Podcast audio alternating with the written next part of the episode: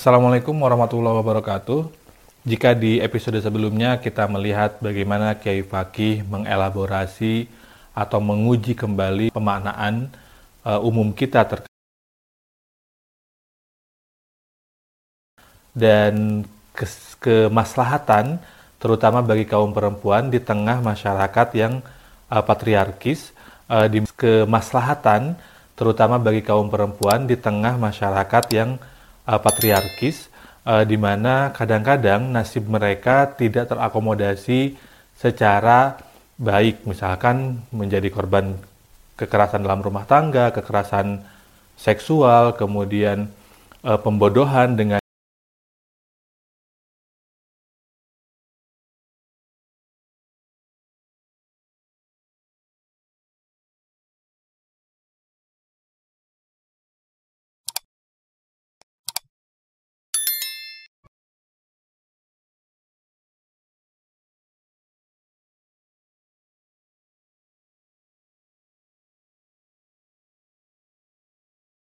menyampaikan dan menyinggung banyak sekali ya sebetulnya soal materi saya juga yaitu tentang uh, suara perempuan muslimah Indonesia. Uh, tadi dari perspektif Pak Fakih sudah jelas memaparkan tiga poin penting gitu ya ketika kita harus berargumen uh, bagaimana sih kedudukan suara perempuan secara literal begitu. Nah, kemudian uh, di sini saya akan menyampaikan hal lain uh, suara perempuan yang berupa gagasan jadi uh, apa saja gitu ya. Nah, ini saya mau memulai dari tahun 1928 ternyata uh, suara perempuan muslimah Indonesia khususnya itu sudah pernah ada di Kongres Perempuan Indonesia pertama. Di sini terjadi pada tanggal 22 sampai 25 Desember 1928 di Yogyakarta teman-teman pasti uh, juga sudah mempelajarinya sejak SD gitu ya. Nah, Kemudian tujuan dari Kongres Perempuan Indonesia pertama itu dulu mempersatukan cita-cita dan usaha memajukan perempuan Indonesia. Terus uh, terutama isunya ini ini nanti akan menarik sebetulnya. Jadi isu dari tahun sebelum kemerdekaan sampai sekarang itu ternyata kok sama-sama aja gitu. Ada kedudukan perempuan dalam perkawinan misalnya, kemudian eh, politik perempuan, kemudian hak-hak uh, perempuan yang diceraikan, terus uh, bagaimana dengan poligami, kemudian pendidikan untuk anak perempuan. Jadi itu sudah dibahas sejak tahun 1928. Nah, ini adalah hasil-hasil rumusan Kongres Perempuan Indonesia pertama gitu ya. Uh, ada sudah mengorganisasikan badan federasi, kemudian menerbitkan surat kabar, kemudian uh, mendirikan studi funds yang akan menolong gadis-gadis tidak mampu. Ini luar biasa ya. Jadi tahun 1928 eh, perempuan-perempuan ini udah ada kita bisa teman-teman. Jadi gadis-gadis yang tidak mampu untuk uh, berpendidikan itu sudah ada crowdfundingnya. Terus memperkuat pendidikan kepanduan putri ini kan berarti latihan fisik ya. Mencegah perkawinan anak-anak sudah dibicarakan dari tahun 1928.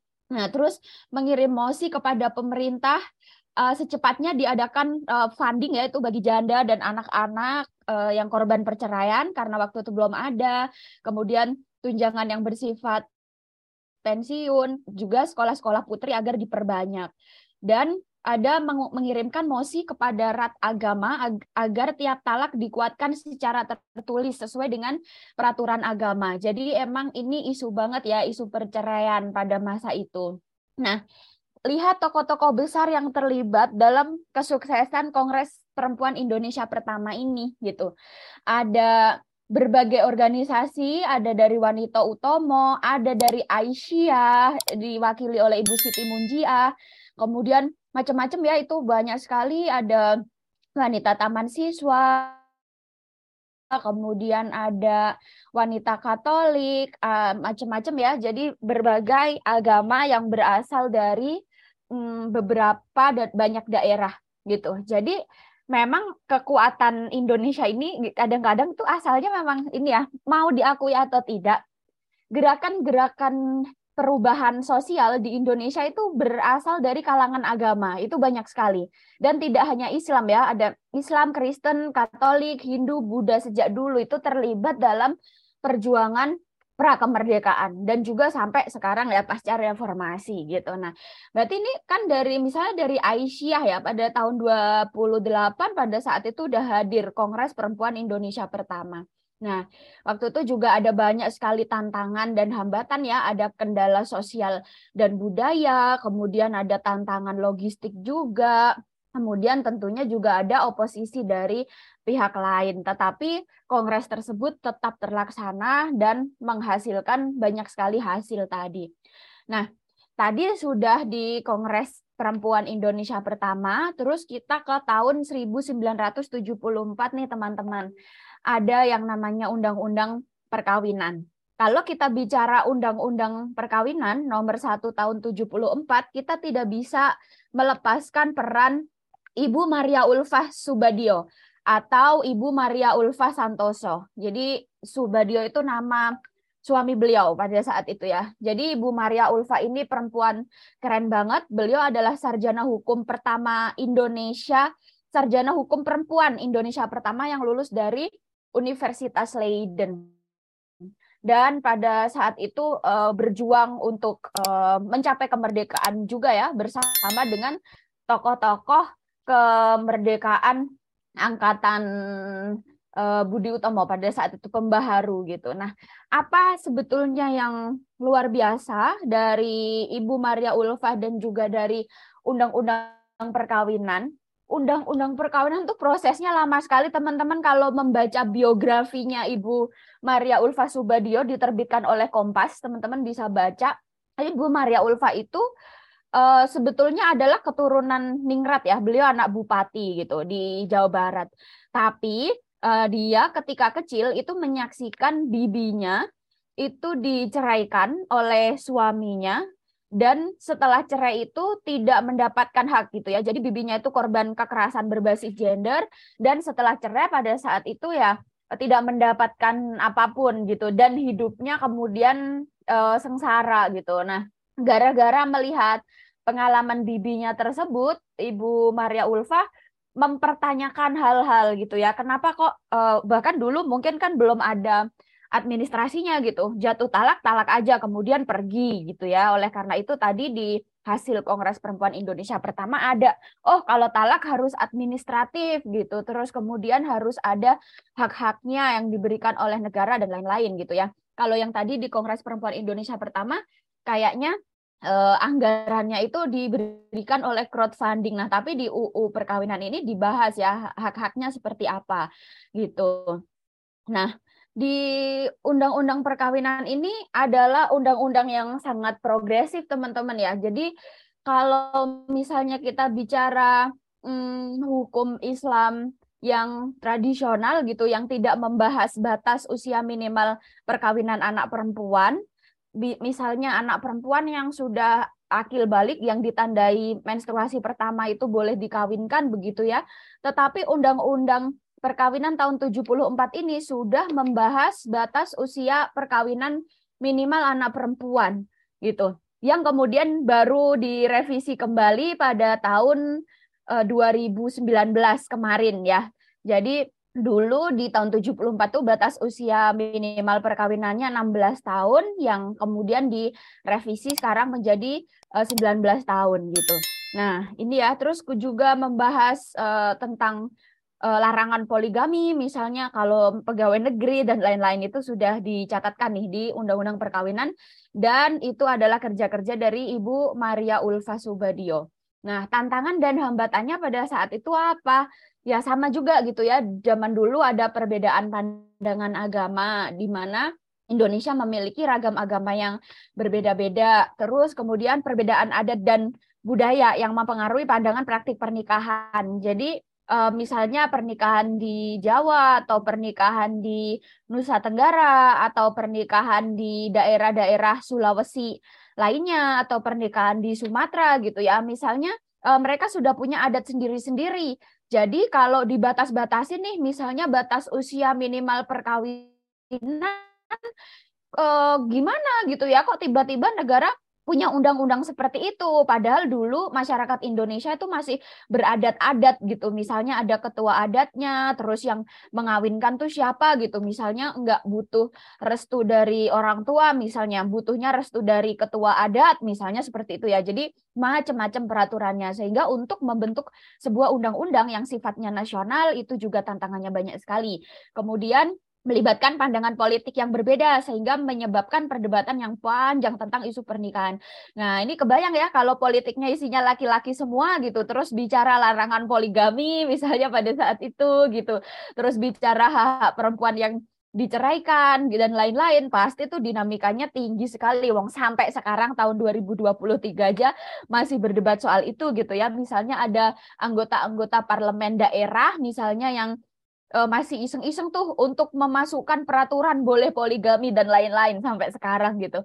Kemudian nomor empat uh, dipengaruhi oleh pengaruh asing. Jadi ini maksudnya dulu kan undang-undang kita kan warisan dari undang-undang Belanda gitu. Sehingga ketika direform ke undang-undang nasional pasti juga banyak tantangannya. Nah, Kemudian teman-teman dari tahun 74 kita lompat dulu ke tahun 2004 ya tentang undang-undang penghapusan kekerasan dalam rumah tangga. Jadi eh, kita pasca reformasi itu tahun eh, 98. Terus kita punya undang-undang PKDRT itu baru tahun 2004 teman-teman bayangkan gitu ya. Berarti kasus-kasus kekerasan eh, berbasis gender sebelum itu statusnya gimana gitu tentang penelantaran, kemudian kekerasan kepada istri, kepada anak-anak gitu ya, kemudian eh, kekerasan ekonomi juga, misalnya istri tidak boleh bekerja dan lain-lain dulu, itu bagaimana gitu, berarti ya belum ada gitu ya, dan itu disuarakan bertahun-tahun gitu. Nah, jadi UU PKDRT yang disahkan tahun 2004 ini merupakan hasil perjuangan panjang kelompok perempuan di Indonesia dan sebelum adanya UU 23 tahun 2004 nih berarti seakan-akan nggak pernah terjadi nih tindak kekerasan dalam lingkup rumah tangga karena dahulu penanganan kekerasan dalam rumah tangga itu selalu terlambat gitu ya. Kemudian eh, tantangan dan hambatannya apa sih kok sampai lama banget gitu. Yang paling penting sebetulnya ya sama juga kayak sekarang gitu misalnya kekerasan dalam rumah tangga dianggap sebagai masalah pribadi di beberapa wilayah di Indonesia. Jadi sampai sekarang juga masih sebetulnya walaupun kita sudah punya UU PKDRT tetapi um, di desa-desa gitu itu masih ada yang menganggap nggak um, usah di desa-desa ya kasusnya Lesti dan Rizky Bilar itu kan opini-opini uh, dari artis-artis yang berfollowers banyak pada saat itu nggak usah ikut-ikut. Namanya uh, urusan rumah tangga nih orang berantem berantem nih biasa gitu ya. Dianggap biasa padahal berantemnya sampai uh, tulang lehernya patah gitu ya. Jadi uh, gimana gitu kan. Terus kemudian juga uh, ini ya kurangnya kesadaran masyarakat mengenai hak dan perlindungan korban kekerasan dalam rumah tangga sampai sekarang gitu.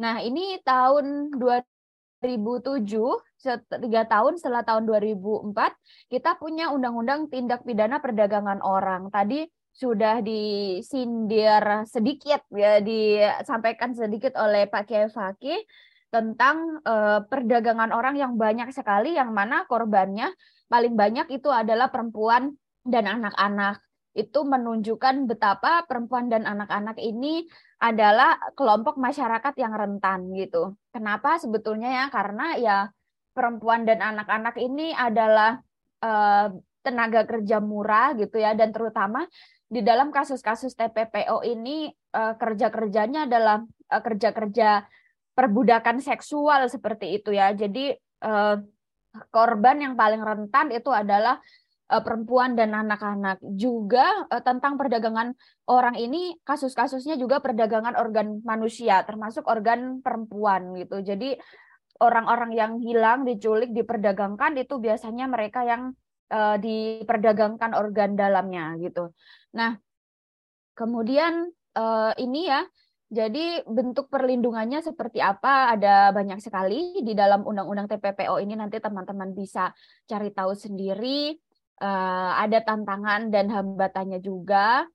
kemudian ya, terutama kalau TPPO itu adalah tentang pengembangan kerjasama internasional ya. Jadi masing-masing negara itu punya perspektif yang berbeda ya terhadap perlindungan manusia gitu. Misalnya Indonesia dengan Malaysia ternyata nggak sama gitu. Indonesia dengan Arab Saudi ternyata nggak sama gitu. Jadi sering kali misalnya dari eh, pejabat-pejabat uh, Indonesia atau aktivis uh, HAM di Indonesia sudah memperjuangkan gitu ke manusia-manusia yang jadi perdagangan manusia di Arab Saudi, tapi ternyata negara Arab Saudi tidak punya hukum tentang uh, HAM tersebut gitu. Nah, kemudian ada juga kemudian di tahun 2017 Undang-Undang Perlindungan Pekerja Migran Indonesia ya nomor 18 tahun 2017. Ini juga sama bahwa uh, pekerja migran Indonesia itu sebagian besar adalah perempuan. Kenapa? Ya karena uh, keterbatasan pekerjaan di dalam negeri, gaji yang lebih besar dan permintaan pekerja migran perempuan itu sangat besar ya dan tanpa mensyaratkan ijazah dan keterampilan yang menyulitkan gitu. Nah, tetapi ke, tetapi tidak ada perlindungan sama sekali gitu sehingga banyak sekali mereka yang pulang uh, dihukum mati di negara tujuan gitu, kemudian menjadi korban kekerasan di negara tujuan dan tidak ada kabarnya setelah bertahun-tahun gitu ya. Yang kebanyakan tidak terdengar kabarnya juga karena mereka kebanyakan berasal dari keluarga yang sangat miskin sehingga ketika nggak ada kabarnya pun tuh keluarganya kayak sudah mengikhlaskan gitu. Ah sudahlah itu resiko bekerja di negeri orang gitu ya. Jadi ya padahal itu kan bagian dari hak asasi manusia gitu. Dan mereka kadang-kadang ah uh, dulu pamitnya juga mm, eh dulu berangkatnya juga nggak pamit gitu. Jadi kalau nggak pulang-pulang sampai 10 tahun sampai 15 tahun ah sudahlah itu biasa gitu ya. Jadi ada banyak sekali dalam keluarga-keluarga yang sangat miskin itu terjadi hal-hal semacam itu. Nah, ini teman-teman uh, jadi uh, menegaskan bahwa setiap praktik eksploitasi terhadap pekerja migran perempuan harus dihapuskan termasuk praktik-praktik yang melibatkan perdagangan manusia, pelecehan seksual dan pengambilan hak pekerja migran perempuan. Undang-undang tersebut mendorong pemerintah untuk mengembangkan program dan kebijakan yang ramah perempuan dalam memberikan perlindungan terhadap pekerja migran perempuan, termasuk melalui penyediaan akses terhadap layanan Kespro dan program pelatihan yang sesuai dengan kebutuhan dan kapasitas pekerja migran Indonesia. Nah, ini juga ada banyak tantangan dan hambatannya sama seperti ketika kita memperjuangkan undang-undang tindak pidana perdagangan orang tadi. Kemudian eh, kita beranjak ke tahun 2022 di mana kita baru saja mengesahkan undang-undang tindak pidana kekerasan seksual setelah uh, kurang lebih 12 tahun ya atau kurang lebih 10 tahun gitu. Jadi uh, kita tahu mungkin teman-teman di sini ya semuanya adalah orang-orang yang ikut bersuara gitu bagaimana awalnya dulu Komnas Perempuan itu mengumpulkan atau mendokumentasi data dan kemudian mendefinisikan jenis-jenis kekerasan seksual yang dihadapi oleh perempuan di Indonesia sejak tahun 2016 gitu. Kemudian eh, diajukan ya sebagai rancangan undang-undang melalui rapat paripurna DPR RI.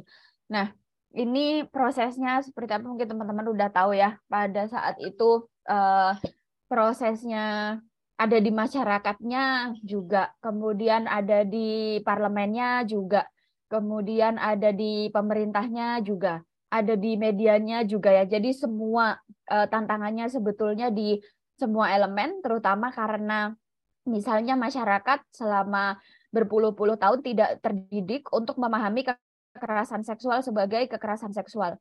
Antara lain, eh, misalnya kekerasan seksual itu yang paling besar ya didefinisikan sebagai kesalahan perempuan. Ya sama juga dengan tema kita sore hari ini tentang suara adalah aurat gitu ya. Misalnya, oh ya pantas aja misalnya kalau ada uh, pekerja penyanyi dangdut yang diperkosa misalnya kan dia suaranya menggoda gitu ya atau pantas aja uh, pegawai hotel atau pegawai bank yang pulang malam hari itu diperkosa. Kan uh, dandanannya saja seperti itu pulangnya shift malam sendirian gitu ya. Jadi uh, itu yang dialami gitu. Karena selama bertahun-tahun misalnya kita dididik oleh channel televisi berita kriminal yang menggambarkan kekerasan seksual itu pasti ada uh, perempuan tidak pakai jilbab gitu jalan di jalanan sepi sendirian terus kemudian ada sekelompok laki-laki yang uh, kemudian berbuat jahat kepadanya itu ilustrasi yang dibikin ya dulu di Indosiar dan RCTI gitu sehingga kita memahami sebuah peristiwa kejahatan kepada perempuan itu sebagai uh, salah salah perempuan itu sendiri gitu. Jadi dan tapi sebetulnya kita juga optimis ternyata masyarakat itu bisa dididik gitu. Jadi setelah bertahun-tahun kita menyuarakan tentang kekerasan seksual yang sangat konsisten gitu ya hampir tiap hari kita menggugat berita-berita di media, kita meramaikan berita-berita di media, kita mencarikan keadilan untuk korban-korban kekerasan, lalu pelan-pelan masyarakat itu bisa berubah paradigma atau uh, persepsinya tentang kekerasan seksual bahwa oh kekerasan seksual itu ya memang salah pelaku gitu ya, itu sama sekali hubungannya tidak hanya semata tentang hasrat seksual yang tidak bisa terkontrol, melainkan ada yang namanya uh, relasi kuasa atau uh, apa ya uh, status sosial atau kekuatan ya, kekuatan dan kekuasaan yang digunakan untuk menindas pihak yang lebih lemah atau tidak berdaya seperti itu. Nah, dari UU TPKS eh, kita sekarang tadi juga sudah dibahas oleh Pak Yai Faki tentang rancangan undang-undang perlindungan pekerja rumah tangga. Ini juga dari tahun 2004 sampai tahun 2023 belum sah. Jadi sudah hmm, sudah berapa tahun tuh? Sudah 19 tahun ya teman-teman ya.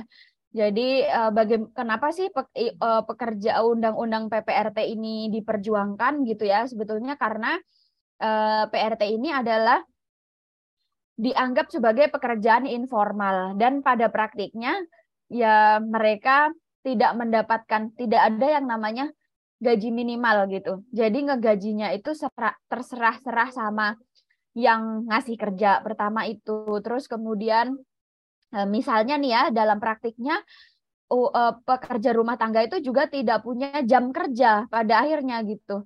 Jadi misalnya kalau nginep pekerja rumah tangga yang nginep itu dari dari pagi gitu misalnya. Terus kemudian majikannya misalnya jam 10 malam eh, pegel-pegel gitu ya, terus minta dipijetin gitu ya uh, bi pijetin gitu. Misalnya padahal dia udah kerja dari sebelum subuh. Nah ini PRT ini tetap harus mijitin nih gitu ya sampai jam 12 malam misalnya. Atau nanti uh, kalau misalnya majikannya yang masih punya anak kecil punya bayi gitu misalnya ya.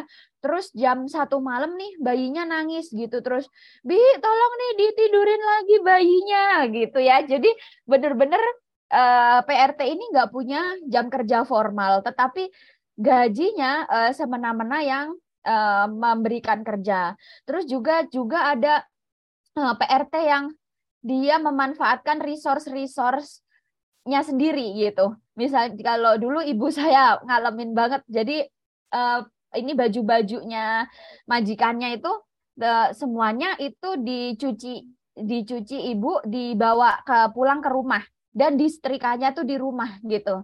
Karena dari jam itu udah nggak udah nggak cukup gitu ya. Misalnya dia ibu udah harus pulang gitu ke ke rumah. Karena misalnya eh, majikannya ada dua kan bapak sama ibu majikan gitu. Terus kalau jam 5 sore pokoknya ibu udah, udah harus di rumah biar nggak mengganggu waktu keluarga dengan majikan yang laki-laki gitu misalnya. Jadi ibu membawa pulang cucian itu dan disetrika di rumah yang otomatis berarti kan pakai listrik rumah ya gitu. Pakai mesin cuci rumah ya gitu. Tetapi uh, pengeluaran untuk listrik setrikaan dan uh, mesin cuci itu misalnya ya Ah, dan juga apa meng, mengambil space untuk ini ya jemurin pakaiannya itu kan mengambil space rumah tangga juga itu nggak dihitung gitu sebagai kerja lembur maupun sebagai uh, tambahan gitu ya. Jadi ada banyak praktik-praktik seperti itu. Alasannya apa? Alasannya uh, bibi PRT itu dianggap keluarga gitu ya. Jadi atas nama kekeluargaan kau adalah keluargaku tapi dizalimi gitu ya. Kau udah udah kayak keluarga sendiri tahun-tahun gitu ya. Masakin ngasuh anak segala macam tapi dizalimi gitu. Itu kan khas Indonesia banget. Kau keluargaku tapi ku zalimi gitu. Nah Itulah pentingnya kita memperjuangkan UU perlindungan pekerja rumah tangga ini. Selain itu juga tentunya angka kekerasan berbasis gender terhadap PRT yang sangat tinggi sekali eh, teman-teman ya. Dan itu dianggap nggak ada gitu biasanya. Jadi PRT ini kan posisinya sangat rentan. Jadi misalnya dilecehkan oleh majikan laki-lakinya gitu atau bahkan diperkosa oleh majikan laki-lakinya, dia tidak akan berani mengadu gitu. Dia akan diam saja karena ya takut kehilangan pekerjaan gitu ya. Jadi kebanyakan seperti itu gitu. Itu tadi uh, penjelasan yang sangat komprehensif dari Mbak Kalis melewati seluruh proses timeline sejarah kita dan bagaimana perjuangan terhadap kemerdekaan perempuan ini belum tuntas dan perlu kita dukung bersama-sama dan bagaimana agama perlu kita narasikan ulang agar cita-cita Islam salah satunya untuk memuliakan perempuan bisa ikut kita wujudkan sebagai bagian dari bakti kita kepada Allah dan Rasulnya. Itu saja, terima kasih. Wassalamualaikum warahmatullahi wabarakatuh.